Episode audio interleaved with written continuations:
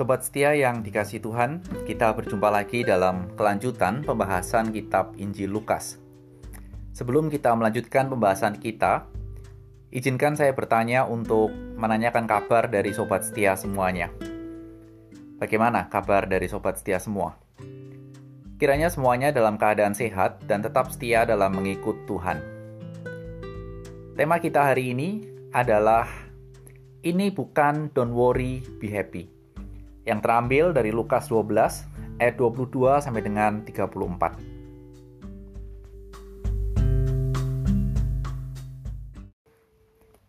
Yesus berkata kepada murid-muridnya, "Karena itu aku berkata kepadamu, janganlah khawatir akan hidupmu, akan apa yang hendak kamu makan, dan janganlah khawatir pula akan tubuhmu, akan apa yang hendak kamu pakai." Sebab hidup itu lebih penting daripada makanan, dan tubuh itu lebih penting daripada pakaian. Perhatikanlah burung-burung gagak yang tidak menabur dan tidak menuai, dan tidak mempunyai gudang atau lumbung.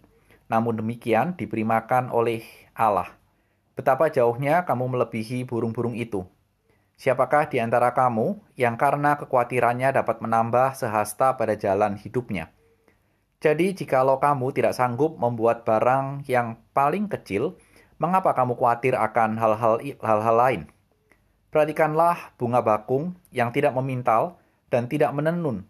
Namun aku berkata kepadamu, Salomo dalam segala kemegahannya pun tidak berpakaian seindah salah satu dari bunga itu. Jadi jika rumput di ladang yang hari ini ada dan besok dibuang ke dalam api, demikian didandani Allah, terlebih lagi kamu, hai orang yang kurang percaya. Jadi janganlah kamu mempersoalkan apa yang akan kamu makan atau apa yang akan kamu minum, dan janganlah cemas hatimu. Semua itu dicari bangsa-bangsa di dunia yang tidak mengenal Allah. Akan tetapi Bapamu tahu bahwa kamu memang memerlukan semuanya itu. Tetapi carilah kerajaannya, maka semuanya itu akan ditambahkan juga kepadamu. Janganlah takut, hai kamu kawanan kecil, karena Bapamu telah berkenan memberikan kamu kerajaan itu. Jualah segala milikmu dan berikanlah sedekah. Buatlah bagi bagimu pundi-pundi yang tidak dapat menjadi tua, suatu harta di surga yang tidak akan habis, yang tidak dapat didekati pencuri dan yang tidak didapat dirusak lengat. Karena di mana hatimu berada, di situ juga. Diman, karena di mana hartamu berada, di situ juga hatimu berada.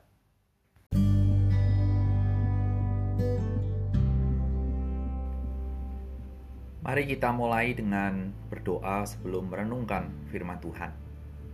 Tuhan Yesus, biarlah firman-Mu kembali mengingatkan dan menguatkan iman kami.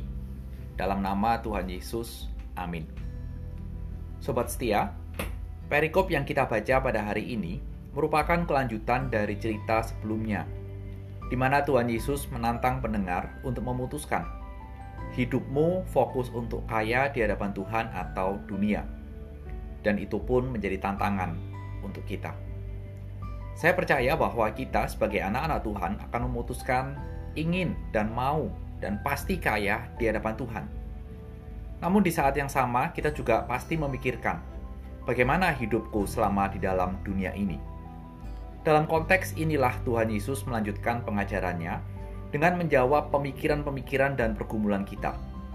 Sehingga kalimat pertama dalam bagian ini adalah Tuhan Yesus langsung masuk ke dalam pokok pikiran dari umat manusia dengan mengatakan, "Karena itu, karena kamu fokus, karena kita fokus, kaya di hadapan Tuhan, makanya janganlah kamu khawatir akan hidupmu." Suatu pesan yang sebenarnya singkat, jelas, dan padat.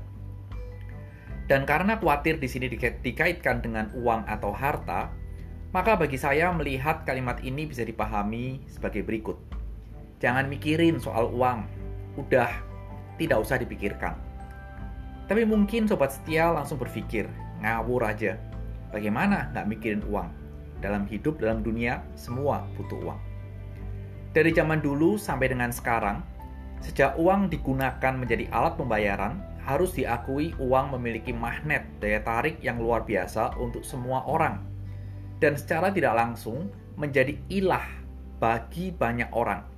karena dianggap bisa memberikan sebuah jaminan hidup bagi umat manusia dan kepuasan di dalam diri manusia. Sehingga banyak orang yang sering kali khawatir bila tidak memiliki uang atau harta, hidupnya hancur, hidupnya minder, dan seterusnya. Dan berusaha untuk memiliki uang, harta sebanyak-banyaknya guna memberikan ketenangan di dalam hidupnya. Tapi coba perhatikan, Tuhan Yesus mengajarkan bahwa kita tidak perlu khawatir mengenai harta kekayaan atau uang berkaitan dengan hidup.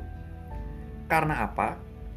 Saya hanya akan membahas dua hal dari ayat 22 sampai dengan 24. Yang pertama, Tuhan Yesus mengkaitkan dan mengajarkan inti dari kehidupan itu adalah jiwa dan bukan tubuh. Sehingga terlihat jelas bahwa jiwa kita tidak membutuhkan uang. Jiwa kita tidak bisa ditenangkan dengan uang. Yang membutuhkan uang itu adalah tubuh untuk makan, minum, dan pakaian. Dan pakaian pun dibutuhkan adalah setelah manusia jatuh dalam dosa. Ingat sekali lagi, cerita orang kaya yang bodoh yang dipikirkan oleh orang itu dan yang disiapkan oleh orang itu sepanjang hidupnya adalah makan, minum, bersenang-senang. Dia lupa bahwa jiwa tidak memerlukan semuanya itu. Dan bagian yang kedua yang Tuhan Yesus ajarkan adalah berkaitan dengan hidup, Tuhan sendiri lebih memperhatikan kita dibandingkan dengan burung gagak Lukas menuliskan dalam bagian ini memberikan perbandingan kepada kita dengan burung gagak. Perlu kita bertanya, kenapa perbandingannya burung gagak dan tidak yang lain? Sobat setia yang dikasih Tuhan, burung gagak itu termasuk kategori binatang yang najis. Dan konsep najis biasanya adalah diabaikan, dibuang, dihindari, dan lain-lain, tidak dipedulikan. Namun kalau burung yang najis pada saat itu dianggap najis pada saat itu dipelihara oleh Tuhan. Lah sekarang kita yang jauh lebih daripada burung gagak, bukankah pasti akan dipelihara oleh Tuhan? Ini menjadi pengajaran yang kedua. Dengan dua alasan itu, seharusnya membuat kita yakin bahwa Tuhan memelihara. Namun entah kenapa, Sepertinya dua alasan di atas belum cukup bagi sebagian orang dan mungkin sobat setia juga. Mungkin ada yang bertanya, beneran nggak sih? Bukan mimpi ya? Oleh karena itu, kita loncat ke dalam ayat 29 sampai dengan 30.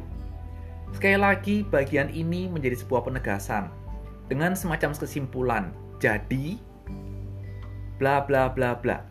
Kalimat jadi dan kalimat seterusnya bisa dipahami adalah jadi jangan terus-menerus khawatir. Ada satu hal yang ditekankan, kamu tuh jangan terus-terusan khawatir. Dan beberapa orang mengartikan bagian ini adalah jangan sombong. Dalam pengertian apa? Dalam pengertian bahwa manusia bisa makan dan minum tanpa bantuan Tuhan. Dan bukankah banyak orang yang memiliki sebuah konsep dan pemikiran dan keyakinan, aku bisa menyediakan semuanya? Sobat setia ingat Pengkhotbah 3.13 yang mengatakan bahwa dan setiap orang dapat makan, minum, dan menikmati kesenangan dalam segala jerih payahnya. Itu juga adalah pemberian Allah. Bahasa saya adalah matilah kalau begini. Semua adalah pemberian Allah. Sehingga kita melihat khawatir dan terus-menerus terus-menerus khawatir dan mengumpulkan harta supaya bisa makan dan bisa minum dan bisa menikmati semua yang ada dalam dunia itu pun di ayat 30 dikatakan dilakukan diperbuat oleh bangsa-bangsa yang tidak mengenal Allah. Sebuah teguran yang tegas, tajam dan peringatan untuk kita semua. Kita tentunya bukan orang yang tidak mengenal Allah. Kita sangat kenal. Kita umat tebusan, kita anaknya, tapi kita bisa berbuat seperti itu. Dan sekali lagi Tuhan Yesus juga menegaskan kepada kita semua dan kepada pembaca pada saat itu. Bahasa saya adalah Bapamu yang di surga, Bapa kita yang di surga, tahu semua apa yang kita butuhkan day by day. Selesai, sobat setia. Kalau kita membaca bagian ini, kira-kira kurang apa lagi? Penegasan, penjelasan dari Tuhan Yesus mengenai jaminan pemeliharaan atas hidup anak-anaknya.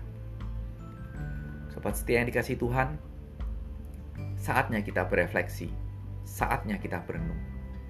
Bagaimana kehidupanmu saat ini?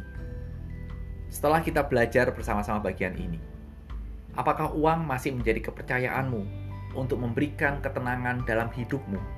Dan engkau bisa berkata, "Don't worry, be happy." Atau engkau mulai hari ini berani berkata dengan sepenuh hati, "Don't worry and trust to God." God will provide our needs. Kiranya iman kita menolong untuk hidup setia kepada janji dan pemeliharaan Tuhan di dalam kehidupan ini. Amin.